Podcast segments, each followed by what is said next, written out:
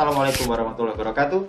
Waalaikumsalam warahmatullahi wabarakatuh. Lalu eh, teman-teman pendengar dan penonton setia Anxiety.co dan podcast Surabaya Unboxing bertemu lagi kita di momen yang ini menjelang sore di studio kami. Saya di sini bersama dua teman analis di Anxiety Business Consult gitu, yang mungkin mereka selama ini nggak pernah muncul ya di Anxiety Media, tapi ini atas arahan Pak Pimret kami, akhirnya mereka ini terpaksa dipancing, didesak ke sini dan mau, wah luar biasa.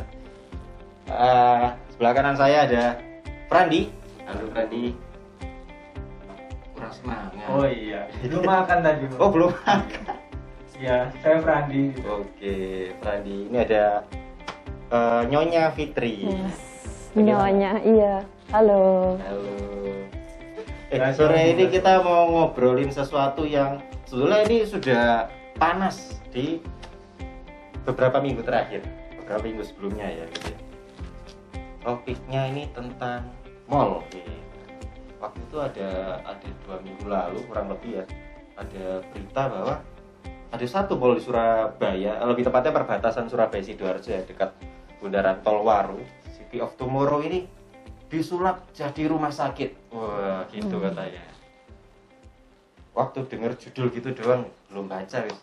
Apa komentarmu? Waduh. Agak agak susah ya kalau mall ini jadi rumah sakit ini. Karena gimana ya? Mall kan ya tujuannya buat wisata gitu.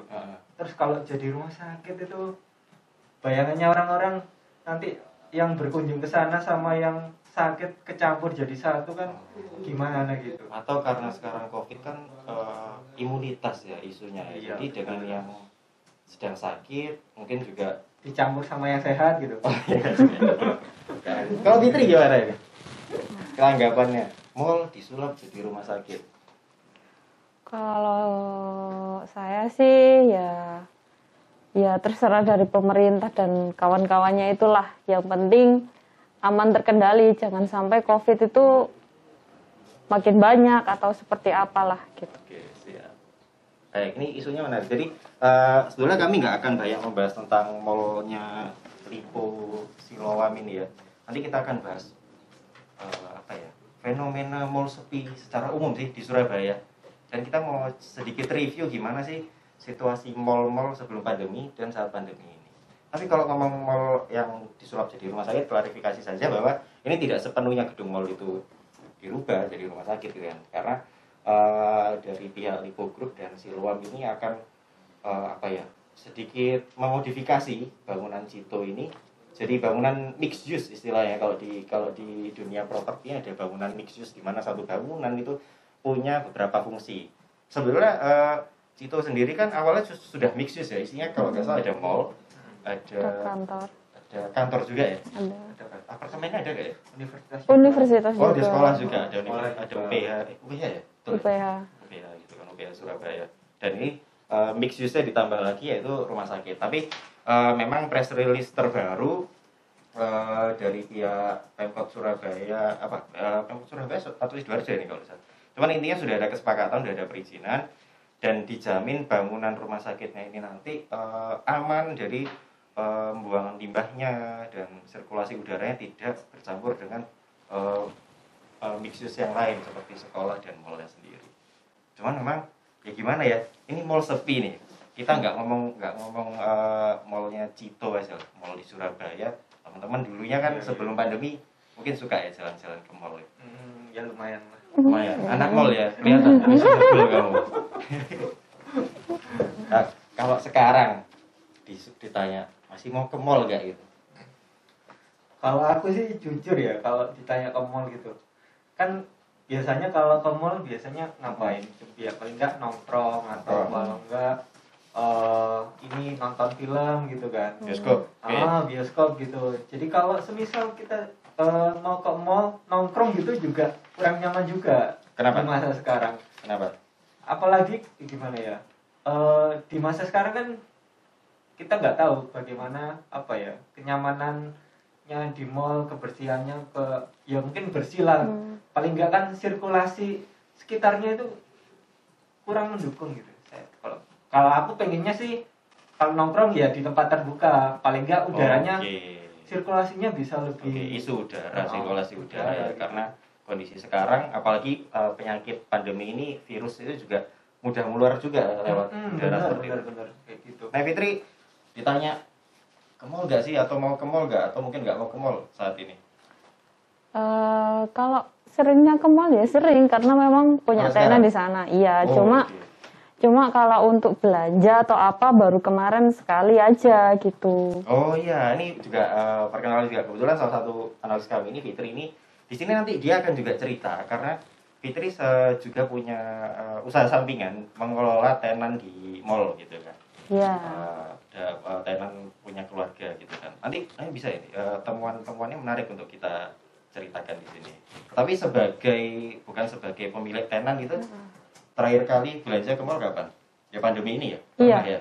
Eh, baru dari awal pandemi sampai sekarang baru sekali aja sih. Oh, sekali? Tapi ya ini intinya jalan-jalan ya. Iya, iya. Jalan-jalan, Sebagai- bukan sebagai tenan ya, iya, bukan sebagai bagul. iya bagul ya itu. Kalau buat jalan-jalan ya baru pertama kemarin Ke mana? aja. Ke mana? Ke oh sebut Eh? Oh boleh ya? iya, itu ke Tunjungan Plaza. Tujuan pasar. Iya. TP berapa? Muter-muter ya. Oh, muter-muter. Iya, Ke karena enam-enamnya TP di ya. enggak sih sebenarnya cuma ke TP6 sama ke ya sebenarnya jomplang ya. Ke Iya. TP6 sama ke TP3 kayaknya. Dulu zaman zaman saya masih SMP SMA tuh yang namanya TP5 itu gitu, itu Tugu Pahlawan. Lagi kan. Sekarang TP5 udah ada beneran ya. Itu. Sudah Nah, jadi jadi kalau kita bisa bilang nih eh, ada sedikit was-was ya untuk ke mall sekarang karena tadi isu kesehatan, Hmm. eh, sirkulasi udara khususnya ya. Iya, iya. Karena mall ya kita tahu tuh AC sentral, bangunan tertutup gitu kan dan juga mungkin eh, sudah eh, kita sudah menjadi budaya baru untuk tidak terlalu berdempet-dempetan kayak kami ini, ini jarak satu meter nih kok di zoom nih ya satu meter meter gitu. Jadi ada isu kesehatan tadi ya. Terus jad- eh, tapi memang nggak bisa lepas ya namanya kita manusia masih butuh rekreasi kan tadi Ya, gitu. benar. Juga masih eh, mengunjungi mall beberapa bulan terakhir. Walaupun mungkin itu pasti kamu datang ke mall sudah eh, Ada tujuan kan mau Iya. ke mana gitu ya. Iya, Nggak benar. asal jalan-jalan gitu. Jadi budaya yang dulu kita ke mall pengennya rekreasi tanpa tujuan gitu, apalagi yang jomblo-jomblo gitu. Eh, cuma- Tapi sekarang kayaknya untuk pergi saja tuh kita harus menentukan tujuannya. Nah ini menarik kalau fenomena sekarang ini. Nah mall sendiri memang eh, kalau di Surabaya ya data yang kami rangkum kami himpun gitu. Kalau di 2017 tercatat tuh di Surabaya ada sekitar 30-an mall. Sekarang mungkin udah nambah. Dan eh, kami sempat baca reportnya Kulier, salah satu konsultan properti juga di Surabaya nanti eh, sedang pembangunan sekitar 8 bangunan mall baru. Nah, ini apakah akan laku nanti mall ini ya? Jadi eh, infonya juga yang bangunan mall baru nanti konsepnya juga mixed use gitu. Jadi kira-kira seperti apa? Seperti Cito, City of Hmm. Tomorrow. Kalau bangunan mall mixed use di Surabaya mana aja ya? TP itu juga bisa dibilang mixed use ya. Bisa. Dalam- atau dia mungkin satu blok gitu, mallnya pasti, terus ada apartemen, ada ada kantor juga. Di situ juga ada kantornya Telkom di Free, eh, iya kalau salah Telkom ya di dekatnya TP 1 TP 2 itu. Ada hotel juga. Ada lagi nggak bangunan mixed use yang ada mall yang kalian ingat gitu di Surabaya? Apa ya? Eh, kalau Biji Junction itu cuman murni mall ya, Eh, kalau kantor, nggak ada ya. hmm, Ada juga. tapi ada hotelnya juga Oh, kan hotel sekarang. juga. Iya, Oke, sudah ya. ada hotelnya juga sekarang. Terus di Surabaya juga ada satu mall yang konsepnya sebetulnya bukan mall belanja tapi mall eh, Kongko yaitu Sutos. Ya, tapi Sutos juga bisa dibilang mix use, soalnya dia satu eh, kompleks juga dengan eh, hotel kayak gitu kan. Mm-mm. Terus ada lagi eh, apa lagi ya? Kas Kapas Kerampung Plaza itu murni mall ya. Di bawahnya ada pasar Ada tradisional pasar. gitu. Iya. Ayo coba mall apa lagi kira-kira yang mix use yang kalian Hmm. tahu? Galaxy Mall mungkin? Kayaknya Galaxy enggak deh. Enggak ya? Kan enggak ada Oke. itu. Kalau Plaza oh, Plaza Tujuan tadi sudah. Oh ini eh, Surabaya Plaza. Nah, Surabaya Itu Plaza. satu blok bisa dibilang mungkin blok ya. Di situ juga ada apa ya? pertokoannya ada hotelnya juga itu Hmm. Biji Junction wah Biji Junction ini eh, bisa dibilang ini mall yang sera- lokasinya juga termasuk paling strategis di Surabaya jadi se- sesuai namanya Bubutan Golden Junction perempatan emas Bubutan gitu kan Hmm. di situ eh, kalau kalau yang bangunan lamanya di sekitaran situ tuh ada namanya pasar eh, apa? Pasar Bubutan. Belauran ya? Oh, Belauran. pasar Iya, iya. Belauran gitu kan? Dan kalau perempatan yang bagus nanti bisa tembus ke Praban Biji Junction itu ada kalau dulu Biji Junction eh, orang kenalnya apa pak? Wijaya? Eh bukan. Wijaya ya? Betul ya? Oke. Wijaya. Wijaya itu dulu juga eh, tempatnya eh, permainan-permainan banyak dulu di sana. Oke Ini kalau ada Pakuan City dekat dekat ITS itu ah loh. betul sekali betul, Nah, itu betul. kan kalau nggak salah baru East kemarin Coast. itu heeh, East Coast Center ada apartemen tau di situ. Oke, betul betul Pakuan Pakuan. Jadi menariknya eh, kalau kita lihat landscape mall di Surabaya ini kalau berdasarkan pengembangnya yang populer ya di situ ada Pakuwon. Pakuwon ini yang mengelola Plaza Tunjungan, Royal Plaza, Hmm. eh, East Coast di sisi timur itu kan dan eh, terus eh, kalau di apa ini ada Grand City juga. Grand City ini segmennya untuk kelas eh, menengah atas ya. Kalau segmen menengah atas di Surabaya ada Grand City, ada Galaxy Mall yang eh, pertama ada di Surabaya untuk mall high class itu. Terus sekarang ada Ciputra World juga. Terus eh, ada Landmark. Landmark itu dekat eh, Pakuwon Mall yang di Surabaya Barat sana. Terus ada juga eh, ada mall yang dulu sempat booming karena pertama kali Carrefour datang di Surabaya itu ada Golden City Mall gitu. Nah sekarang nasibnya udah nggak seperti dulu, nggak se-booming dulu. Oke, jadi kalau kita ngomongin mall-mall tadi, memang fenomena sekarang eh, rilis dari apa nih asosiasi apa nih pengusaha mall itu memang ada penurunan ya. Hampir di semua mall ada penurunan. Memang eh, masih ada beberapa yang kita observa- eh, observasi mata saja masih ada yang ramai. Misal seperti di Royal Plaza masih ramai ya. Eh, kalau tanya tanya apanya dulu ini? Orangnya dulu. Kalau orangnya iya, Mbak, Ramai ramai, ya? ramai Oke. sekali. ramai sekali. Iya. Tapi transaksinya Eh, kalau transaksi di tenan ya sepi. sepi ya. Iya. Oke, jadi dia punya eh, tenan di Royal Plaza juga. Kalau Pradi, kalau terakhir ini masih mampir nggak ke mall-mall yang memang itu segmentasinya untuk Kongko, misal kayak Sutos atau Coast gitu? Kan tinggalnya masih di daerah timur ya, Ah. dekat-dekat Coast ya. Kalau East Coast masih sih Masih. beberapa bulan Berapa bulan lalu ya waktu pandemi ya? Apa yang kamu rasakan di sana? masih rame juga sih Rame. kayak gitu terus ya ada live musiknya juga gitu Kamu datang ke sana karena di sana eh, tadi isu sirkulasi Jadi- juga bagus atau gimana? jadi kan eh, aku nggak berkunjung ke mallnya sih Hmm. ke mallnya mungkin cuma sebentar tapi eh, di tempat food courtnya itu oh food festival Oh, gitu ya. festivalnya itu kan lapangan terbuka tuh Iya. Ah, lapangan terbuka itu karena apa ya sirkulasinya bagus gitu kan Kamu merasa nyaman di nyaman situ nyaman gitu kan? di situ apalagi di sana meskipun pandemi gini Mm-mm. tapi eh, jaraknya itu juga nggak dekat-dekat. Oh, siap, siap, siap. Nah, ini eh, kalau mall sepi ya, kalau kita ngomong mall sepi itu sebetulnya kita bisa bilang tiga hal.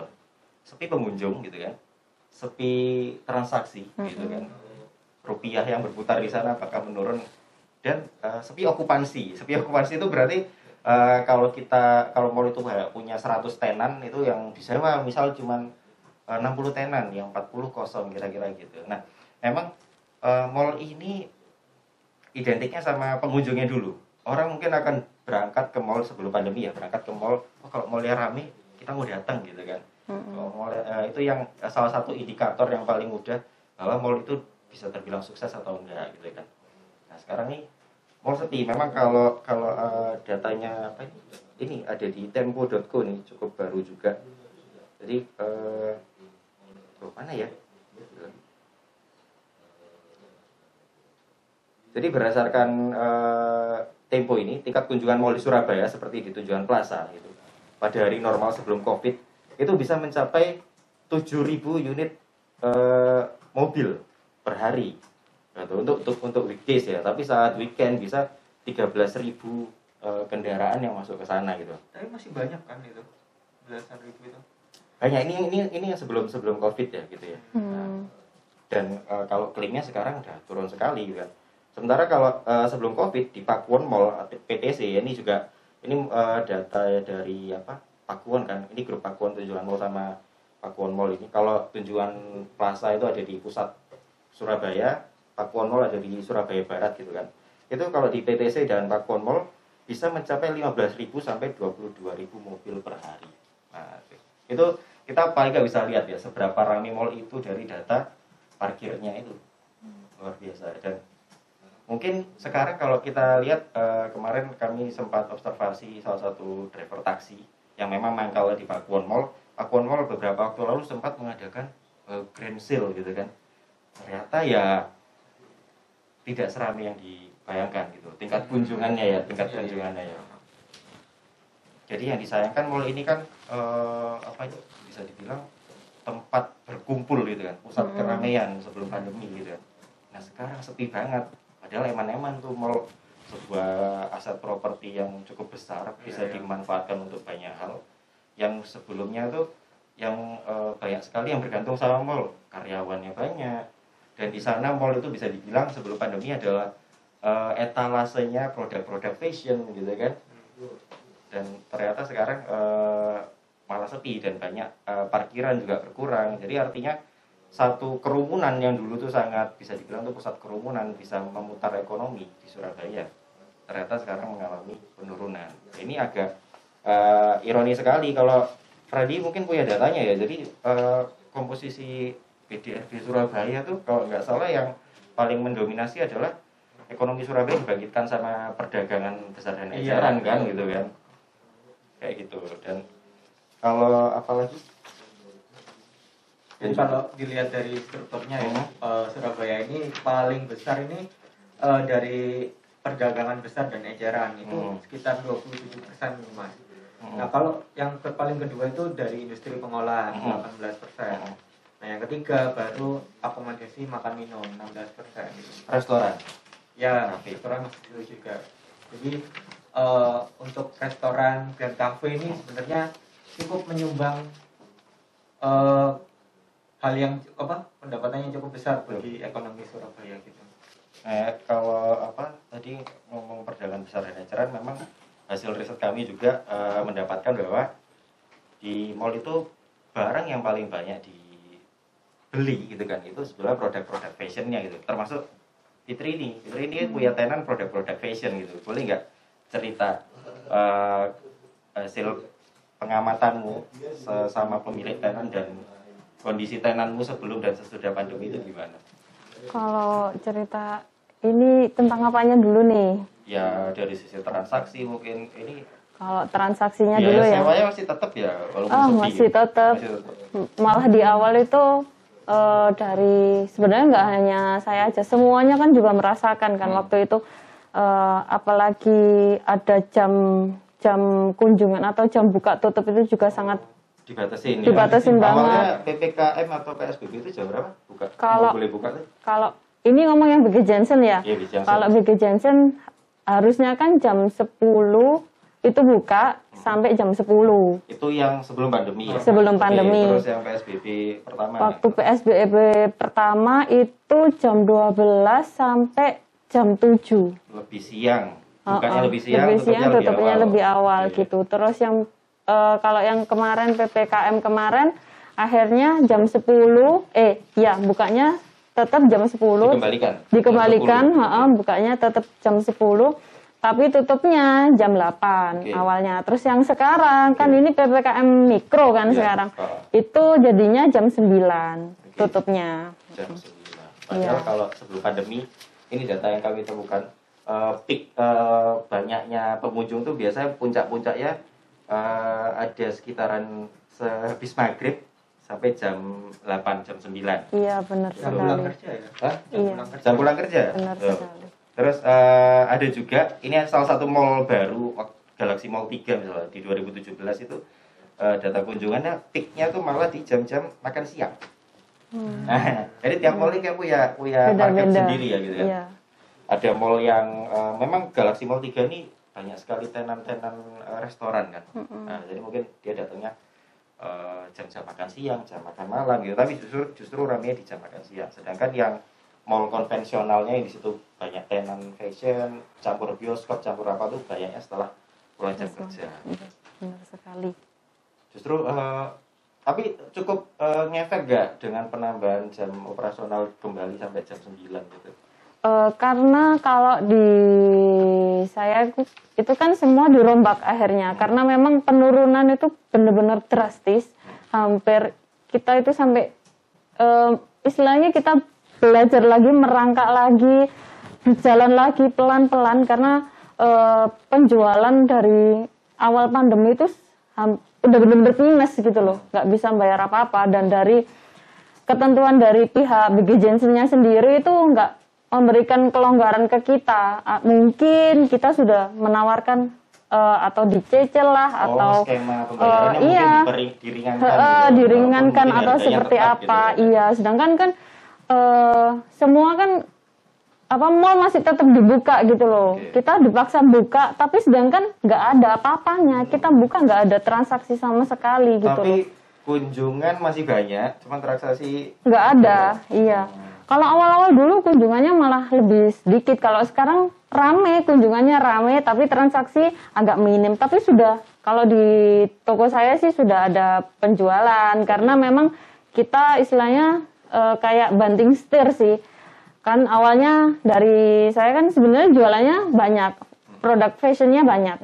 Eh, kita jualan blus jualan gamis jualan eh, apa namanya daster, jualan piyama, baby doll, semua dijual. Terus karena eh, awal-awal itu paling boomingnya atau yang paling besar penjualannya itu di blus, terus di gamis istilahnya baju kayak untuk keluar rumah ya Iya benar. iya, gitu kan. Iya, baju formal kan Baju intinya kan. formal, heeh.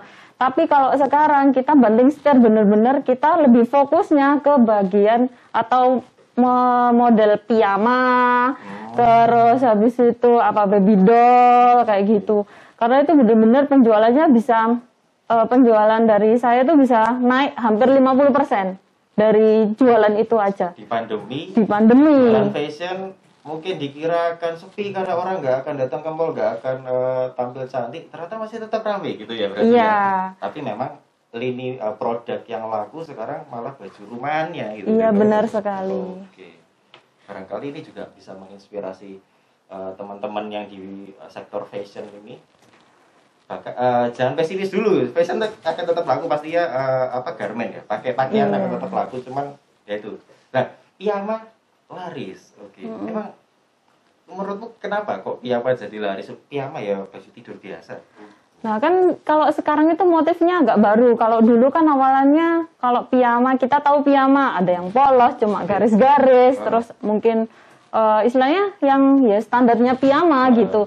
Tapi kalau eh, terus habis ada piyama kayak gitu ada baby doll, baby doll kan motifnya kan kayak anak-anak Boneka. apa boneka-boneka gitu kan. Gitu. Ya, eh, kalau dibuat keluar kan masih malu-malu gitu kan. Tapi kalau sekarang ada eh, model eh, maaf, apa ya motif ya motifnya itu apa apa sih kayak smoke terus tie tie dye ya Oh. tie dye gitu jadi pakai ya bisa jadi seperti ini Ini baby doll. eh bukan bukan dong ini gamis. Iya. Ya Bisa, bisa. kan mau nikah kan di sini Jadi- Nah, hantaranmu tuh piyama-piyama yang motif terbaru sekarang gitu. Iya. jadi ya sekarang wis sudah eh, kalau pakai piyama mau keluar sekarang kemarin aja nih eh, saya kan ke TP itu. Ya ya ada juga ya pakai piyama masuk ke TP. tapi piyama yang model Piyama yang kekinian. model yang sekarang yang Oke. saya jual itu gitu loh. Oh berarti selama ini nggak hanya em, piyama itu nggak hanya buat di rumah aja bisa dibuat keluar gitu kan modelnya gitu. Ini menarik ya. Jadi kita awalnya bahas mall karena mall ini memang eh, identiknya sama barang fashion. Di sana kita berusaha seganteng mungkin kan. Ternyata ya itu tadi ya ini fenomena baru menurut saya sih. Jadi ternyata produk baju rumahan itu jadi laku. Asal mungkin baju rumahnya yang eh, eh, motifnya itu juga kekinian, Iya. bagus kan. Akhirnya baju rumahan ini pun juga eh, dipakai juga untuk uh, outfit saat kita keluar rumah. Ternyata tadi ada temuan seperti itu kan gitu.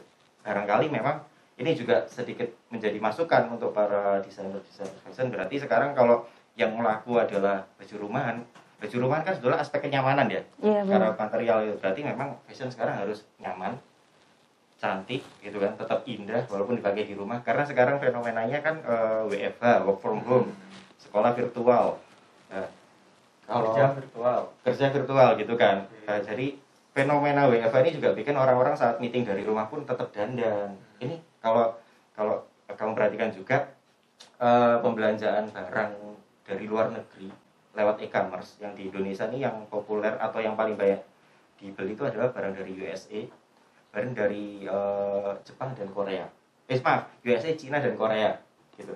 Nah yang Korea ini coba tebak apa kira-kira Pastinya karena aku perempuan juga ya, Pes. Batik ya. Iya.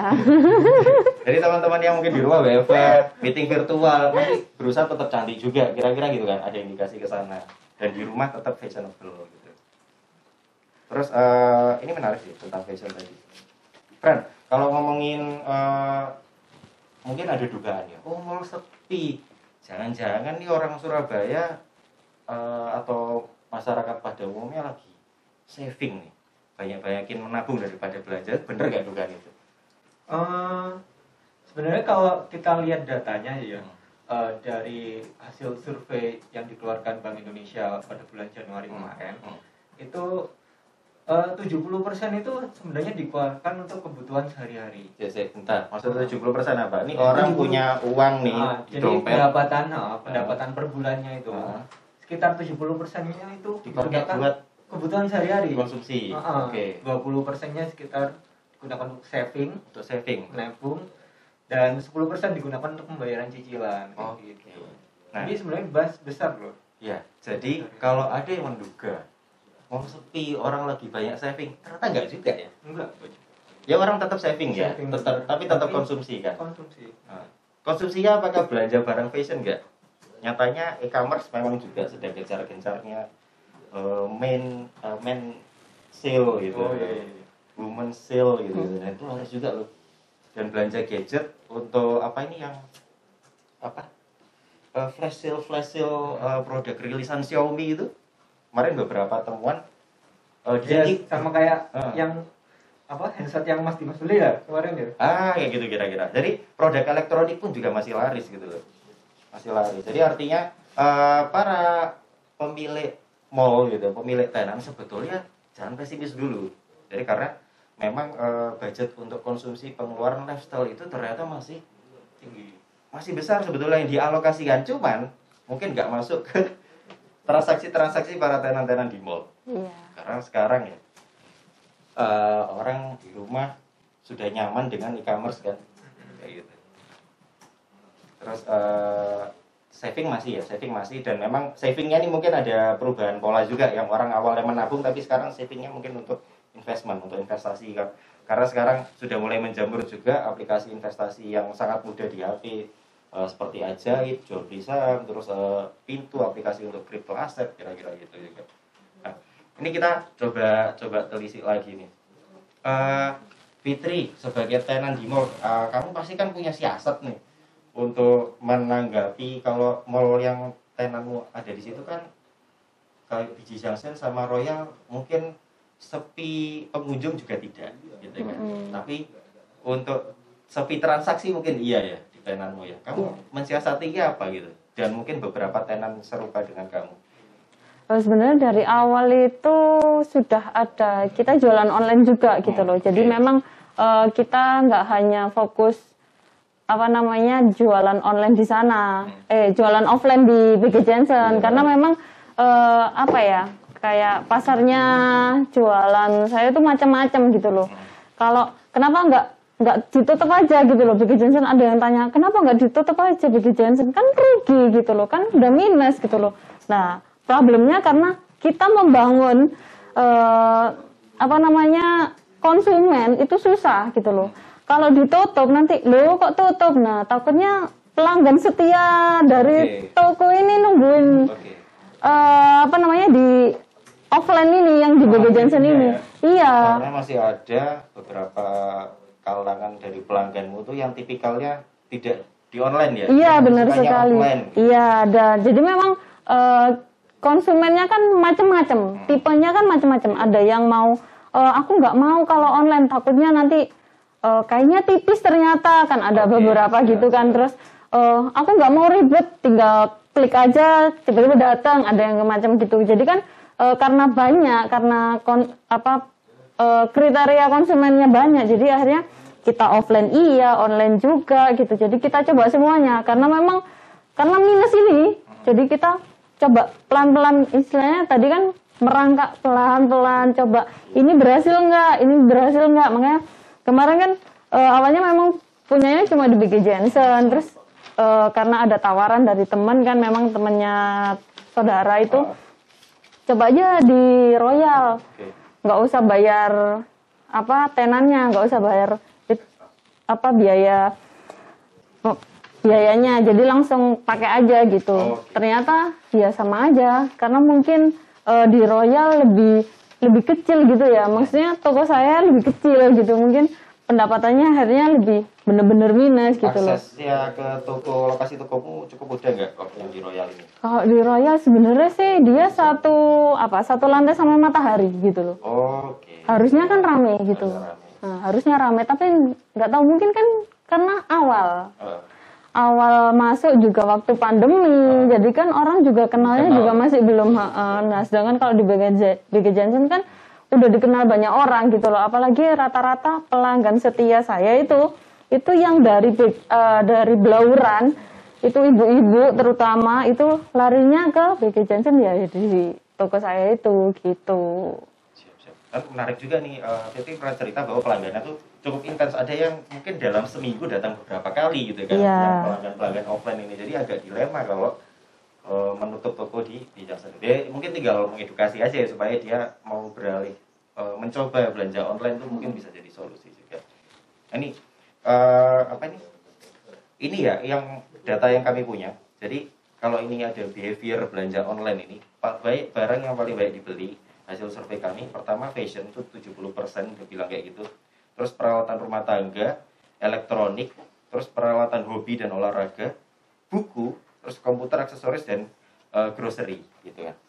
Ini coba kita bedah ya. Karena barang-barang ini kalau kita ingat atau kita perhatikan di mall selalu ada tenan-tenan yang jual fashion gitu.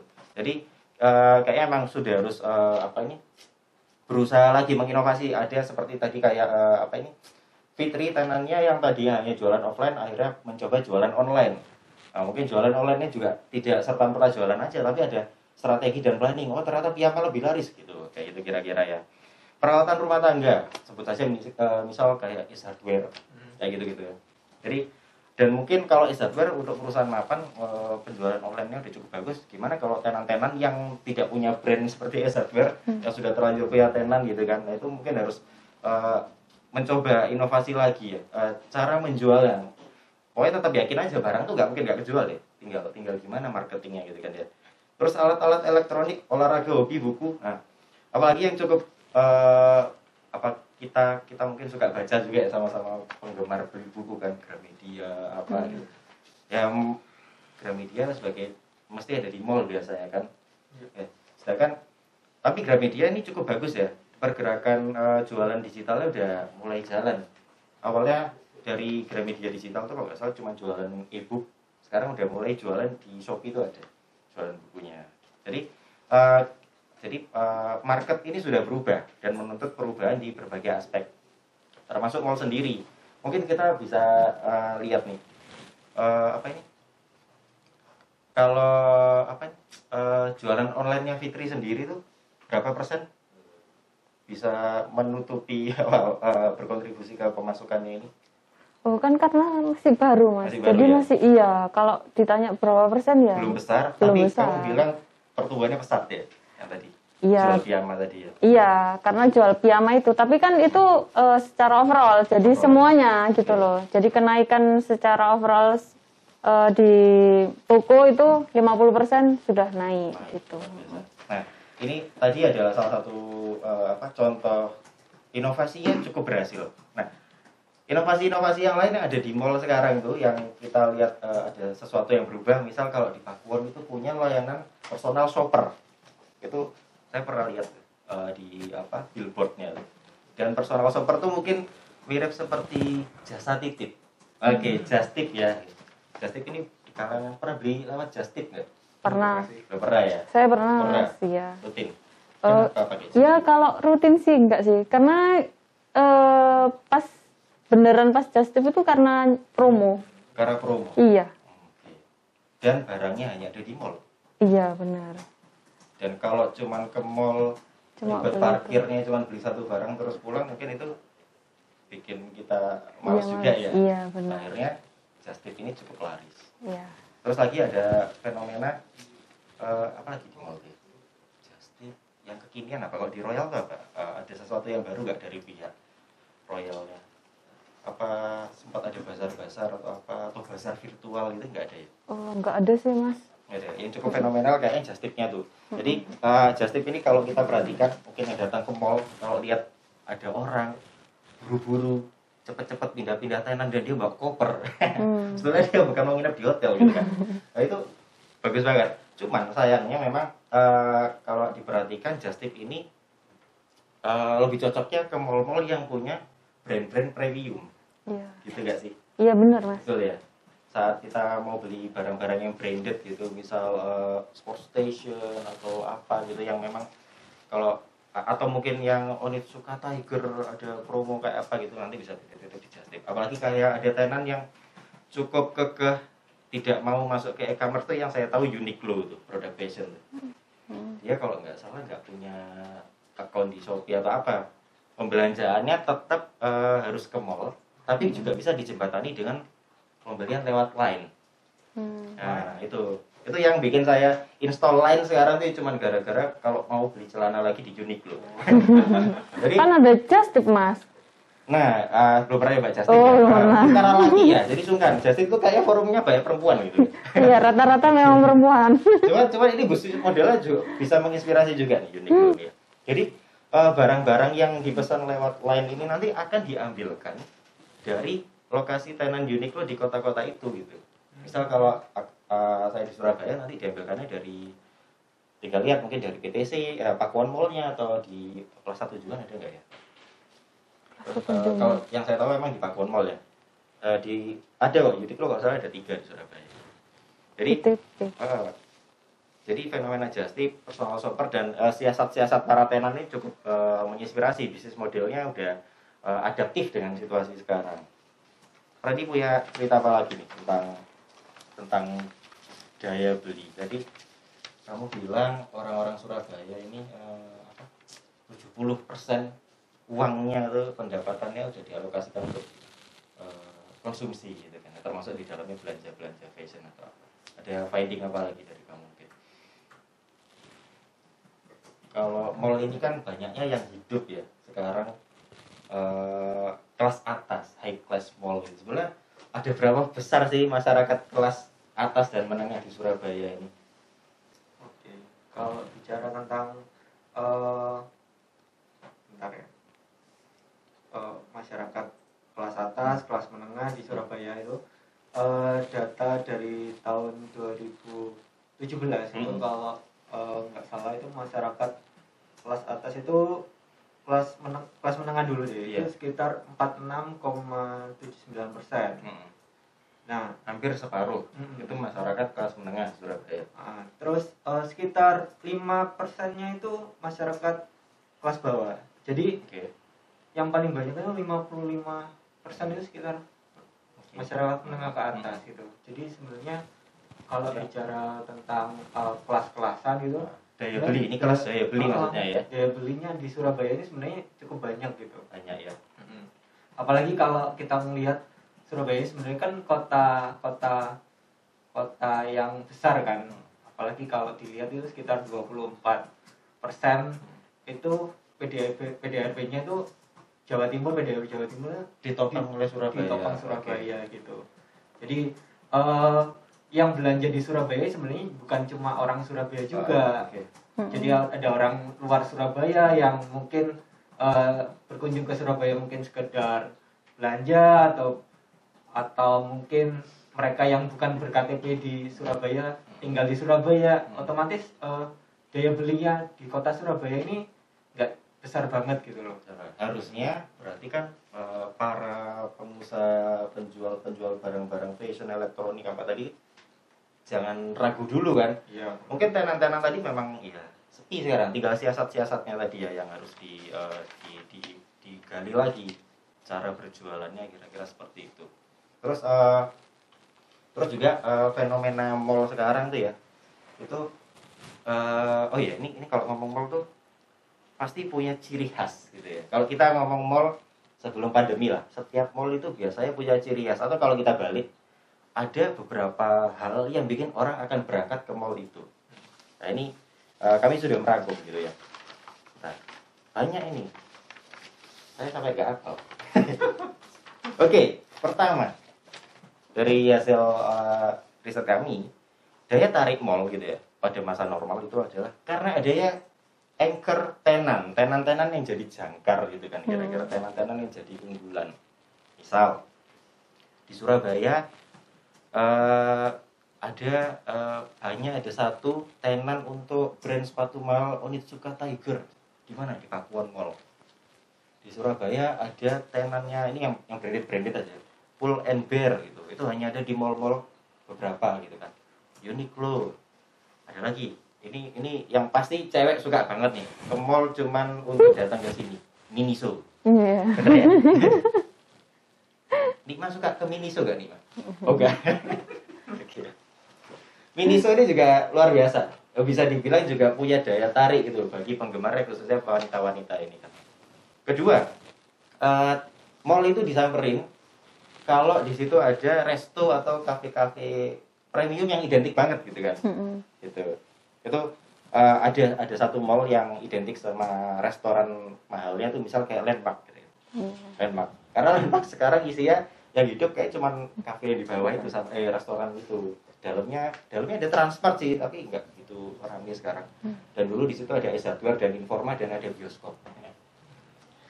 Terus eh, terus ada juga bioskop. Bioskop itu pasti jadi daya tariknya anak muda tuh biasa anak kuliahan gitu kan anak SMA Kalau dulu- Oh, kalau dulu bioskop eh, waktu kuliah ke mana nontonnya? East Coast. Iya. Soalnya dekat Dekat dengan kan. dekat rumah ya. Fitri suka ke bioskop ya? Ya suka Dulu ya. dulunya. Ke mana? Ke TP Sama? sama ke mana? Eh, kalau seringnya ya Big Jensen. Ada Iya, bioskopnya. Ada waktu eh, ya kemarin ada kan Nah, barusan. Padahal mungkin nggak banyak orang datang ke bioskop di Junction. Iya. Betul kan? Dulu bioskop itu ada cukup fenomenal namanya Marvel City. Nah, itu yang khasnya bioskopnya datang ke sana gitu kan. Terus ada eh, untuk yang sudah berkeluarga nih, kayak saya nih ya masih punya anak kecil gitu, datang ke mall itu untuk nyenengin anak ke playground. Nah, itu itu ada di eh, di Pakon Mall, di Tunjungan ada Kidzania, Chipmunk, apa apa Kidzona kira-kira gitu. Itu juga jadi daya tarik. Terus ada juga mall yang disamperin karena eventnya kayak gitu. Misal Sur- Surabaya Town Square, Sutos. Ya Sutos ini memang didesain bukan mall belanja ya, mall untuk kongko gitu.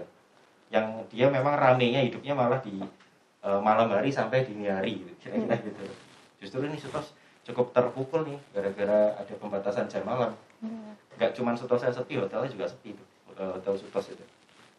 Terus ada juga mall yang eh, didatangin karena ada theme park atau eh, food court tematiknya gitu. Misal seperti East Coast tadi kan ya. East Coast itu food courtnya kan eh, khas banget lah orang datang ke sana untuk makan, ada live music. Terus ada juga eh, ya Transmart mungkin bagi yang punya anak ya juga datang ke situ ya bisa, bisa dibilang playground ya. Juga mungkin eh, ada apa Mas Teguh yang food Instagramable TP. yang Mas Teguh pernah bilang di Royal ada nggak spot-spot Instagramable? Nggak ada. Oh, ya? di TP ada. Di TP ada ya? Ada. Oke, siap. TP. Di food courtnya juga biasa ya, dekat-dekat food court gitu. nggak hanya deket food court sih yang TP yang terbaru itu TP 6 ya kayaknya. Itu ada spotnya sendiri khusus foto-foto gitu kayaknya. Wah, itu menarik juga kan. Terus eh, ada juga eh, bangunan pusat perbelanjaan yang didatengin karena ada lokalisasi tenan. Misal, sentra toko emas, itu bisa asen tuh ya. Iya. Sekian kayak gitu. Sentranya eh, apa ini batik dulu ada di ITC Mega Grosir. Lantai sekian isinya batik semua gitu. Jadi lokalisasi Ah, sentra pijet refleksi. Betul itu. Pijet refleksi karena ya apalagi kayak di mall-mall besar yang sangat besar Iya. bikin orang jalan-jalan sampai itu butuh pijet refleksi. Nah, ada mall yang identik dengan sentra pijet refleksi misal kayak di PTC, di PG Junction, di Di- ITC. di. PTC nggak ada. ya? Kayak agak menyebar. Di Junction. Di ada, Ada Royal ya? juga ada. Oh, Royal ada, iya. Terus ada juga mall yang didatengin karena eh, sport dan hobi center. PTC itu eh, sering juga tuh ada komunitas eh, apa, mobil remote control, Tamiya gitu kan. Apalagi ya kalau yang biasa event-event gitu. Ada juga eh, dulu dulu dulu Kalau eh, dulu Mading itu. High Tech. Mall. Oh, High High Tech Mall itu juga eh, ada di belakang tuh pusat akuarium. gitu ya. Oh. Terus juga untuk main game apa kompetisi game kalau salah e-sport kira-kira gitu. Nah, jadi kalau kita lihat mall itu sebetulnya dikunjungi karena daya tariknya, tapi karena pandemi ini kita orang-orang jadi takut kan ke mall ya. Jadi takut ke mall karena isu kesehatan ya. Nah, tapi sebetulnya eh, memang kalau kita lihat di sini ada beberapa hal yang masih bisa disiasati. Misal kayak food court ya. Food court eh, high class gitu ya. Food court food court yang high class seperti di Grand City, East Coast misal itu juga melibatkan eh, perusahaan e-commerce untuk merilis voucher-voucher untuk transaksi ya. Mm. Nah, gitu. Jadi ini bisnis modelnya memang cara jualannya baru sih.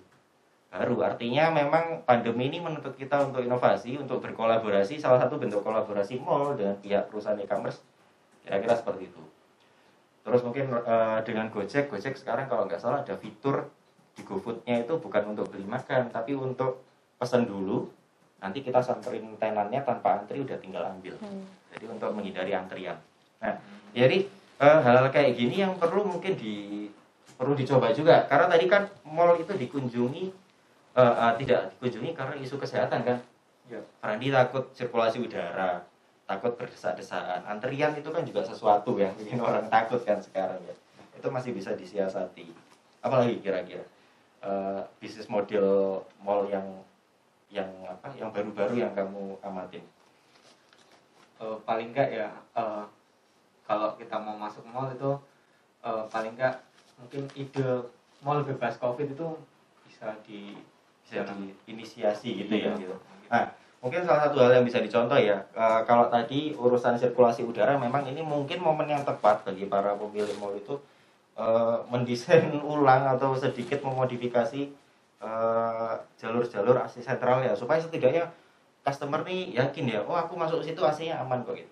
Kedua mungkin karena berdesak-desakan itu ada salah satu teknologi yang sudah pernah dipakai di parkirannya tujuan plaza, khususnya parkiran mobil perhatikan nggak kalau kita masuk itu ada tulisan gitu kan kalau bawa mobil ini sudah berapa mobil yang ada di dalam Ya. masih sisa berapa slot gitu Iya. nah itu mungkin juga bisa jadi inovasi mungkin di dalam bangunan mall ini mungkin Hmm. eh, provider-provider IoT atau smart smart building ini bisa mulai join nih sama mall nih. Di setiap pintunya dipasang sensor atau apa di mana kalau ada orang keluar masuk dari pintu mana pun monitornya ada nih. Oh mall kita mungkin hari ini harus di plot yang masuk hanya seribu orang misal gitu.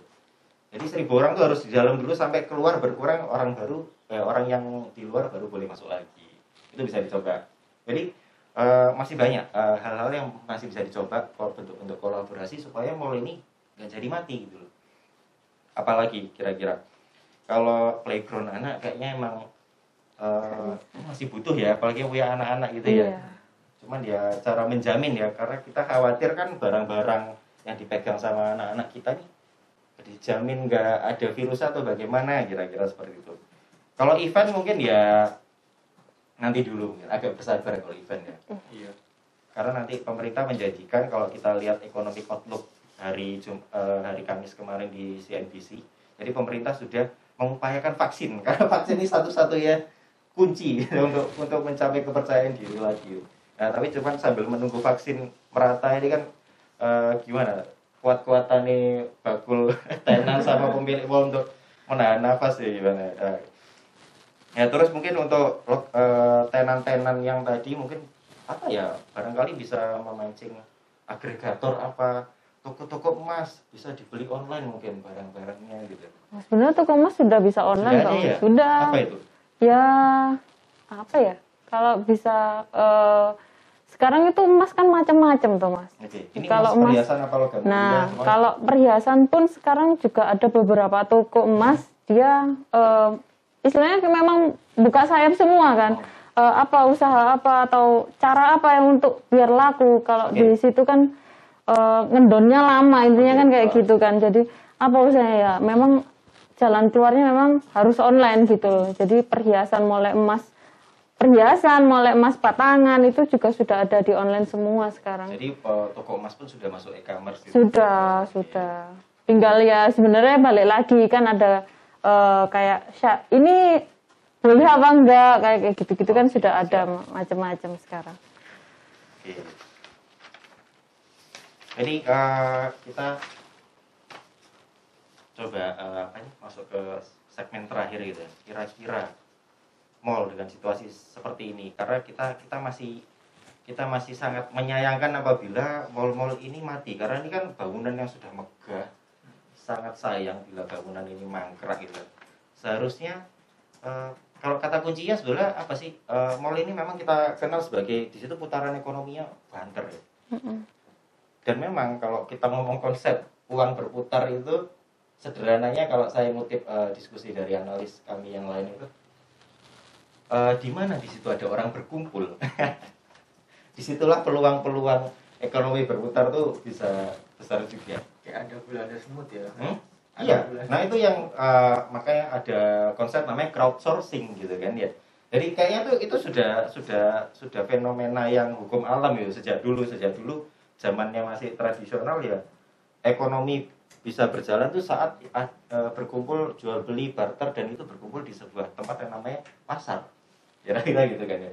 Terus mall itu juga salah satu pasar modern artinya di situ orang berkumpul, orang bisa saling eh, jual beli. Tempat di sana pun juga saat sebelum pandemi mall itu tadi bisa membangkitkan industri event gitu kan. Membangkitkan industri hobi membangkitkan industri fashion membangkitkan industri jasa pijat refleksi kira-kira gitu kan. Nah, kira-kira eh, eh, dan memang sejak adanya apa ini sejak internet mulai sudah bisa dimanfaatkan oleh kalangan yang lebih luas mulailah tempat berkumpul ini nggak hanya berkumpul fisik tempat berkumpul virtual apa aja sosial media gitu ya. Iya. Eh, sekarang marketplace marketplace itu bisa dibilang tempat berkumpul artinya duit-duit berkumpul bisa kira-kira gitu kan. Nah, jadi eh, harusnya mall-mall ini mungkin kalau sekarang nggak bisa jadi tempat berkumpul setidaknya mall ini masih bisa mengambil porsi dari eh, gimana eh, perkumpulan-perkumpulan itu misal gini eh, analoginya ya. Seperti Facebook lah kita bilang. Facebook ini dulu di eranya eh, muncul itu bisa menggeser yang namanya Friendster dan lain-lain. Eh, traksinya meningkat di mana orang-orang mulai aktif bersosial media.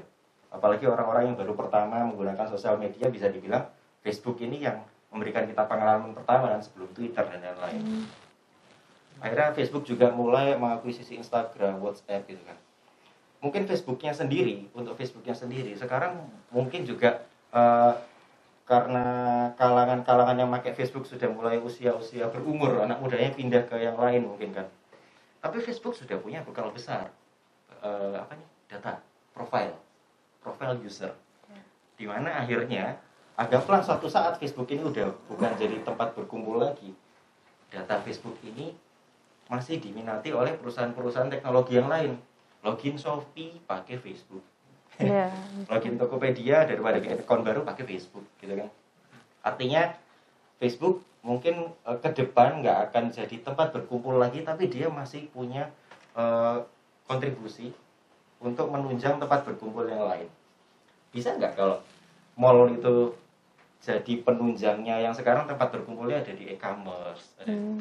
mungkin bisa kali ya jadi eh, apa kita sudah punya sedikit rangkuman ya bagaimana mall akan bertahan.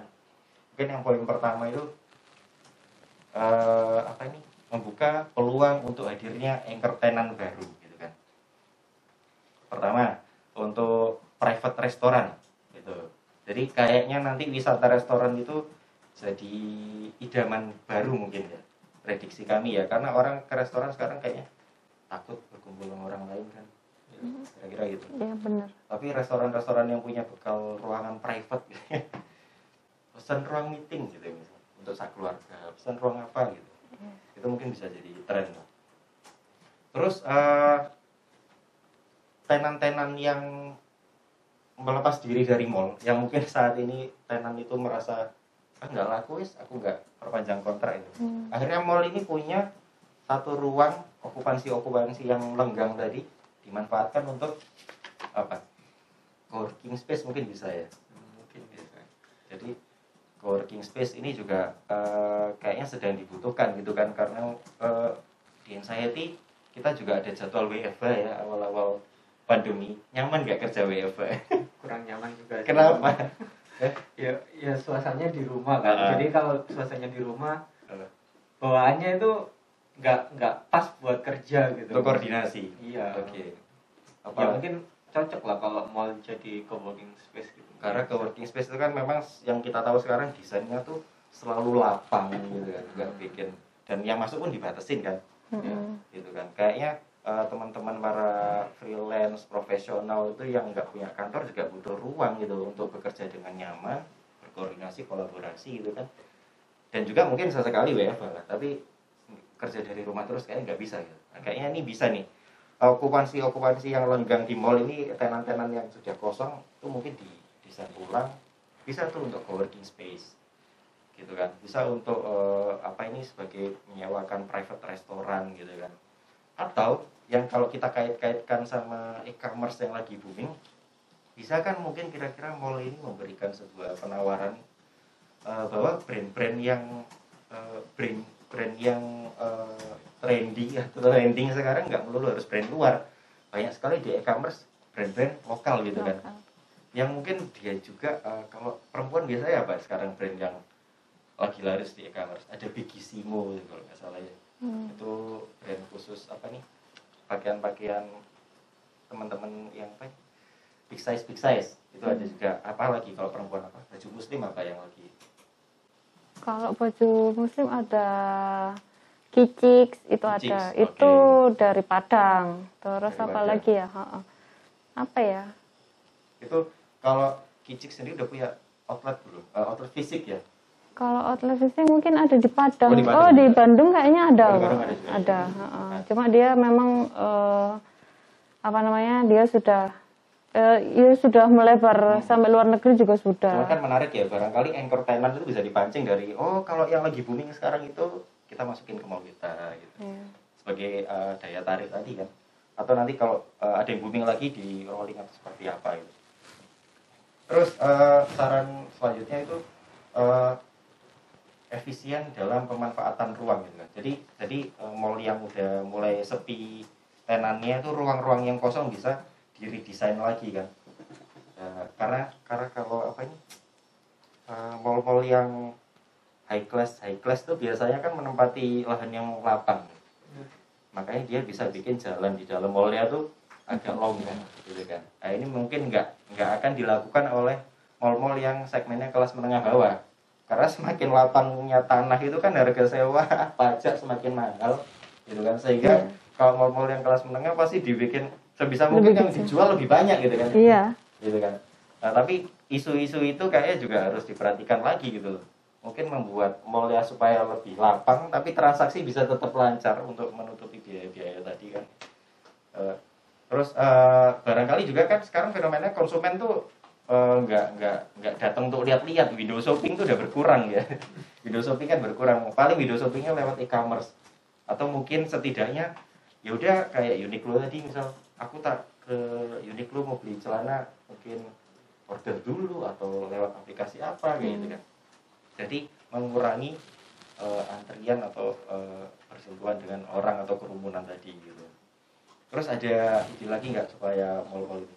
Kalau tadi menunjang e-commerce itu e-commerce itu apa sih yang kamu suka dari e-commerce? Di rumah beli klik barangnya datang ya Iya, lebih sebenarnya sih gini sih. eh, kalau saya ya kan memang lebih seneng e-commerce. Hmm. Kalau misal beli minyak telon nih, minyak telon, beli minyak telon aja. Sebenarnya eh, itu sudah beda harganya dari e-commerce sama di offline itu Iya. sudah beda. Ya, beda. Di offline pun nanti ada bayar parkir. Parkir, Nah, oke. padahal cuma beli e-commerce jadinya misal harganya cuma 38.000 Oke. sama parkir jadinya 40.000. Sedangkan kalau di e-commerce kadang kan kalau misal kayak Shopee gitu kan belanja dapat cashback berapa persen gitu kan. Nah, Ah. jadinya harganya pun kadang 36.000 lebih murah. Terus dapat cashback juga lah Cashback, kadang juga free ongkir. free ongkir nah kita tinggal ngeklik terus tinggal nunggu beberapa hari aja kalau memang bener-bener nggak urgent ya kalau urgent sih ya kita ke toko tapi kalau nggak urgent buat cadangan lah intinya intinya kan kayak gitu itu mending e-commerce aja lebih enak gitu tinggal klik tinggal orang datang gitu kalau untuk baju gimana? kalau baju Kalau baju kan misal beli di e-commerce itu kan kadang ukurannya nggak pas gitu atau yang bagaimana jadi masih perlu datang ke fisik sih. Hmm. Gimana? Iya, kalau aku ya, kalau aku sih biasanya bandingkan dulu. Kalau di e-commerce gitu, kita ngeliat dulu ini harga, apa namanya?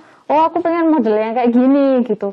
Ini, oh ya udah ke itu aja ke apa namanya ke tenannya gitu. Jadi kayak kemarin tuh cuma aku ngelihat eh, jalan-jalan cuma ngelihat oh bahannya ini nah tet- tetep belinya ya di e-commerce gitu. E-commerce ini menarik. Pertama, eh, sebetulnya ada hal di balik e-commerce yang mungkin kita nggak pernah sadari masyarakat umum adalah di balik eh, proses barang dari toko itu nyampe ke anda atau ke kita itu ada proses logistik yang sangat luar biasa. Mm-mm. Itu yang di Cina eh, biaya logistik atau biaya ongkir-ongkir itu sebetulnya udah semakin murah gitu. Ya ini yang sedang dikejar oleh eh, market di Indonesia ini.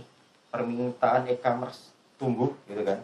Eh, atau orang belanja di e-commerce jadi meningkat-meningkatnya tapi eh, apa nih sistem logistik atau pergudangan atau distribution center barang pengepulan barangnya sendiri itu masih belum maksimal.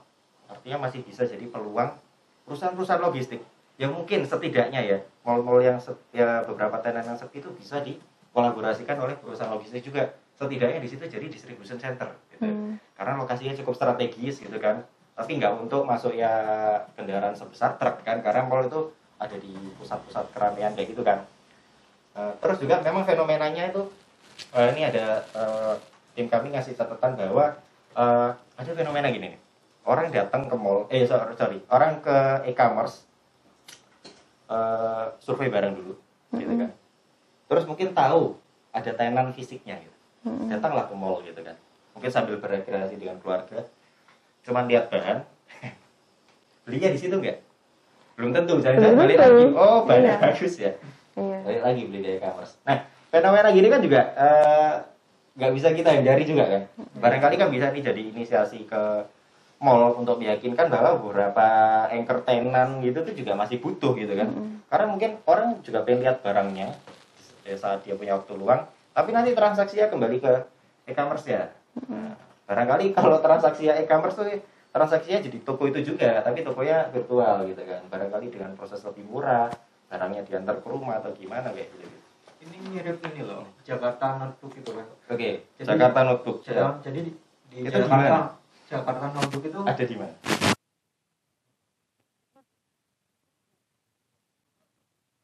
oh namanya Jakarta Oh. Notebook lokasi di Surabaya oke siap jadi kita bisa kita pesannya itu lewat online gitu. Ah, Lihat-lihat milih barang lewat online gitu. Kita ingin apa. Nah, nanti eh, saat kita mau ambil, mau Hmm. beli itu kita langsung datang ke tokonya gitu. oke Jadi mungkin mall bisa menginisiasi hal-hal kira-kira seperti itu. bisnis model seperti itu bisa dicoba juga ya. Jadi Bisa, mall mungkin. ini eh, mungkin anchor tenan atau atau toko fisik tuh masih ada butuhnya Mm-mm. untuk orang lihat harga. Tapi mungkin juga difasilitasi jangan memaksa orang yang harus beli di sana gitu. Iya. Kita jemput aja lewat e-commerce ya gitu kan. Atau juga memanfaatkan tenan yang kosong untuk di eh, distribution center untuk pick up pick up point mungkin ya. Eh, kalau fenomena logistik tuh ada sekarang eh, satu perusahaan namanya apa? Popbox. Popbox itu dia kayak locker itu ya, Iya. locker. Jadi kita bisa eh, beli sesuatu, mungkin barang-barangnya yang dijual itu agak-agak agak-agak sensitif gitu atau agak eh, eh, agak-agak apa ya? Harus rahasia nih orang rumah jangan Hmm. sampai tahu gitu. jangan dikirim ke rumah. Nah, mungkin bisa ya kayak perusahaan-perusahaan seperti Popbox itu nempel-nempel di mall gitu menambah jaringan. Jadi barangnya nanti akan dimasukkan ke locker itu dan orang yang beli barang bisa datang ke locker itu untuk ambil karena butuh privacy misalnya gitu itu juga menarik juga tuh ya. terus eh, ada satu juga mungkin eh, cara supaya tenan atau atau mall itu tetap tetap dikunjungi selain anchor tenan anchor tenan tuh dari eh, orang yang jual barang atau perusahaan yang jual barang bisa juga anchor tenan ini kita bilang eh, layanan publik nyadar nggak kalau sim corner seperti itu tuh sebetulnya menarik orang untuk datang ke mall gitu Iya bisa. Iya, terakhir kali saya ke Biji Junction, nah, itu cuma karena mau ngurus SIM. Kira-kira gitu. Tapi kan gak ada masalah kan. Hmm. Ujung-ujungnya ya waktu ngantri di SIM corner ya minimal masih beli kopi di situ atau Hmm. mungkin kalau lihat mainan nelfon istri. Sayang, ini ada mainan lucu buat anak itu beli nggak? Kira-kira gitu. Enggak apa-apa. Jadi eh, yang namanya anchor tenant tuh mungkin nggak melulu barang-barang branded tapi layanan publik gitu kan gitu. Karena memang eh, masyarakat kita pun juga mungkin terkendala. Aku pengen ngurus-ngurus ini tapi kalau ke kantor kecamatan terlalu jauh gitu kan. Rumahku lebih dekat sama mall misalnya Hmm. gitu kan. Datangnya misalnya. Itu mungkin bisa dicoba juga. Dan eh, apa ini? Ya tadi eh, mall-mall tujuan plaza terus eh, apa ini?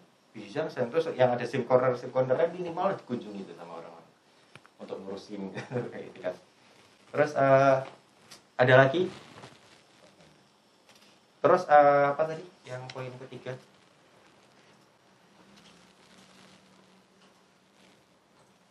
Poin pertama ya mas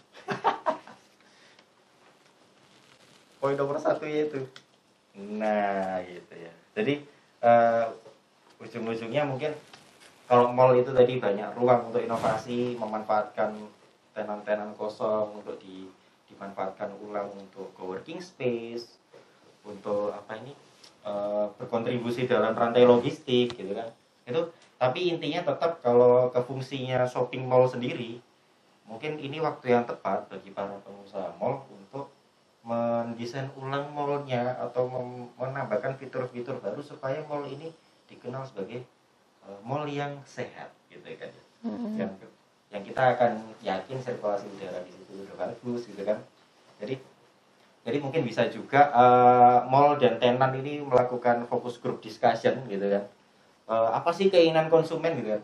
Apakah isu-isu interaksi sosial terus belanja. Jadi pemilik mall dan tenan tuh bisa menemukan cara inovatif bersama gitu kan menyesuaikan keinginan pengunjung-pengunjung tadi terus eh, lebih banyak investasi untuk peningkatan fasilitas higienis sebagai tanggapan atas kesadaran yang lebih tinggi eh, tentang kesehatan masyarakat. Terus pusat perbelanjaan dapat disertifikasi oleh otoritas terkait sebagai oh ini me- mall bebas covid misal gitu. Itu bagus juga seperti ya.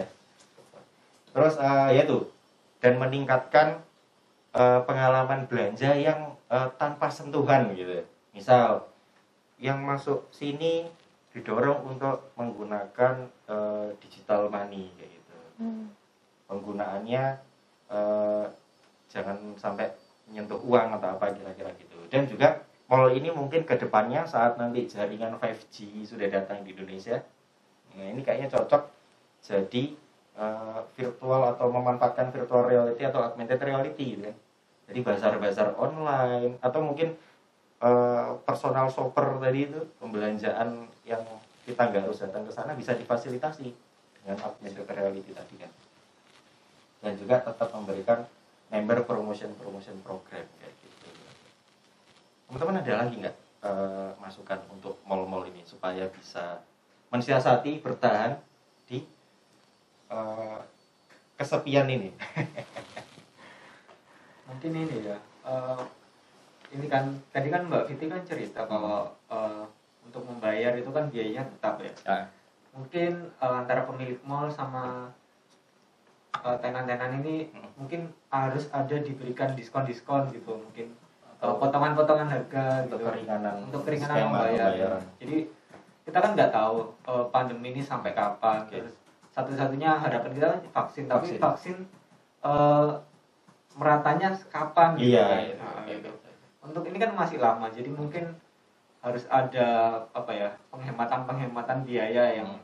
dilakukan bisa supaya bisa bertahan lama gitu ada lagi Fitri mungkin Kalau aku sih sebenarnya kayak lihat kemarin ke TP ya Oh. gitu kan sebenarnya eh, kalau saya sendiri tuh awalnya tuh takut mau ke sana kan soalnya besar. Hmm. Besar. Kalau Bagi Johnson kan nggak seberapa dan Iya. eh, kalau kunjungan ya ya sudah ke situ terus sudah ngendon gitu kan.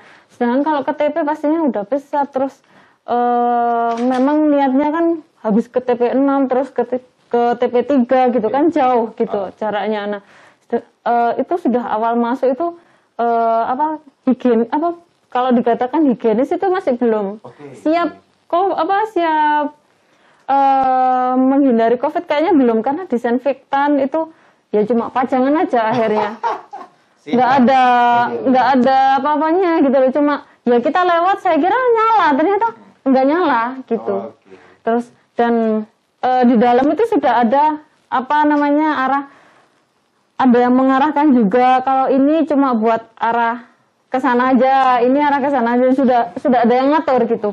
Cuma memang kalau sudah masuk ke tenannya ke kayak kemarin ke Uniqlo gitu sebenarnya udah ada gambarnya. Ini lurus ini yang eh, ini yang masuk ini yang keluar. Tapi ya sama aja. Sebenarnya balik lagi sama kesadaran kitanya sendiri gitu loh.